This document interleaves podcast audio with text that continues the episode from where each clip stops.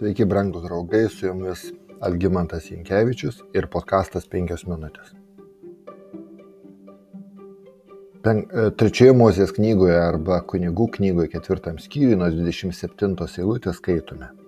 Jei kas iš paprastų žmonių netyčiomis nusideda, darydamas ką nors iš tų dalykų, kurie pagal viešpatės įsakymus neturėtų būti daromi, ir pasijunta kaltas, ar jo padarytoji nuodėmė jam primenam vėliau, tai jis atves sveiką ošką kaip savo atnašą už nuodėmę, kurią yra padaręs. Kunigų knygos ketvirtame skyriuje pasakoma apie auką už nuodėmę, kuri pirmą kartą paminėta ryšim su šventyklos statyba ir kunigystės įsteigimu. Iki to laiko garbinant Dievą buvo naudojamos tik deginamosios aukos. Prieš kalbant, prieš kalbant apie auką už nuodėmę, galbūt verta suprasti, kas iš tikrųjų yra nuodėmė kaip tokia. Jei svarstysime a, bendrą supratimą, kas yra nuodėmė, tai yra atsiskirimas nuo kurėjo, nuo mūsų viešpaties, nuo mūsų Dievo. Įzojo 59 skyrius antra eilutė. Jei nuodėmę žvelgsime atsižvelgdami į asmeninį mūsų ir Dievo santyki, tai nuodėmė yra nusižengimas, nukrypimas nuo Dievo įstatymo reikalavimų. Jonas sako, nuodėmė yra įstatymo laužimas, 1 Jonų 3.4. Taigi Dievo įstatymų pažeidimas yra nuodėmė. Šis nukrypimas nuo įstatymo gali būti netyčinis arba sąmoningas, tačiau rezultatas yra tas pats - tai nuodėmė. Kita vertus, nuodėmė yra nusikaltimas prieš patį Dievą, net jei žmogus nusidėjo kitam asmeniui.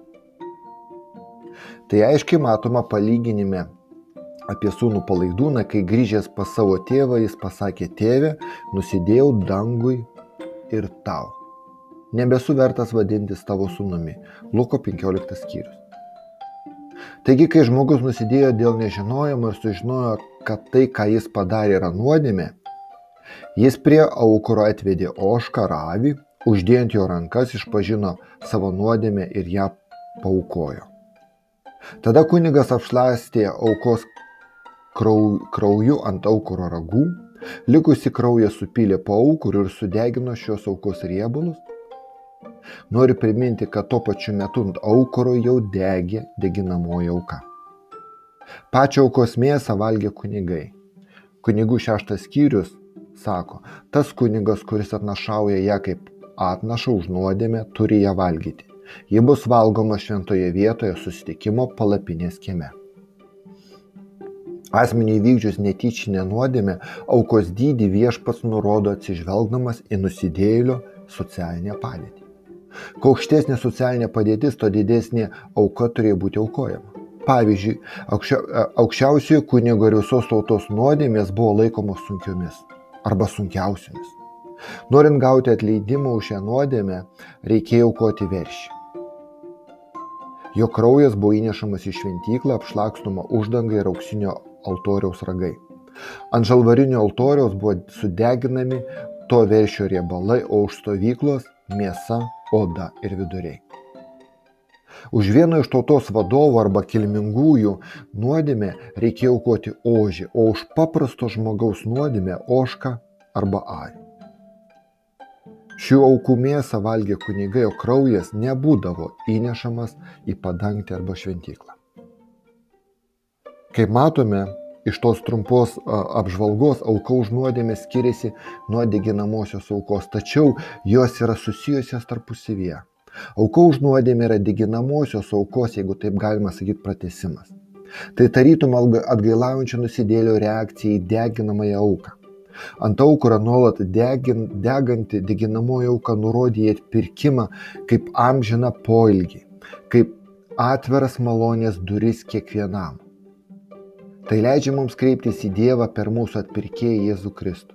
Deginamosios aukos nuolat kylančios į dūmų į dangų, atsiprašau, dūmai, kuriuos Dievas vadino maloniu kvapu, buvo kvietimas į išganimą ir priminimas apie atveras Dievo malonės duris. Auka už nuodėmę yra mūsų asmeninis atsakymas į kvietimą į išgelbėjimą. Auka už nuodėmę visada buvo asmeninė, tai yra, kiekviena auka už nuodėmę buvo aukojama už konkretų asmenį. Tai reiškia, kad pripažinę save nusidėjėliais, atgailaudami kreipėmės į Dievą. Ši auga simboliškai parodė Kristų, kuris pašalino nuo manęs mano asmeninę nuodėmę ir perima ją pats. Kaip Paulius sako romiečiams, taigi dabar nebėra pasmerkimo tiems kurie yra kristuje jėzuje. Juk gyvybę teikiančios dvasios įstatymas kristuje jėzuje išvadavo tave iš nuodėmės ir mirties įstatymų o ko įstatymas nepajėgė nes buvo kūno nusilpnintas tai įvykdė dievas. Jis atsiuntė savo sūnų nuodėmingo kūno pavidalu ir nuodėmei įveikti pasmerkė nuodėmę kūne.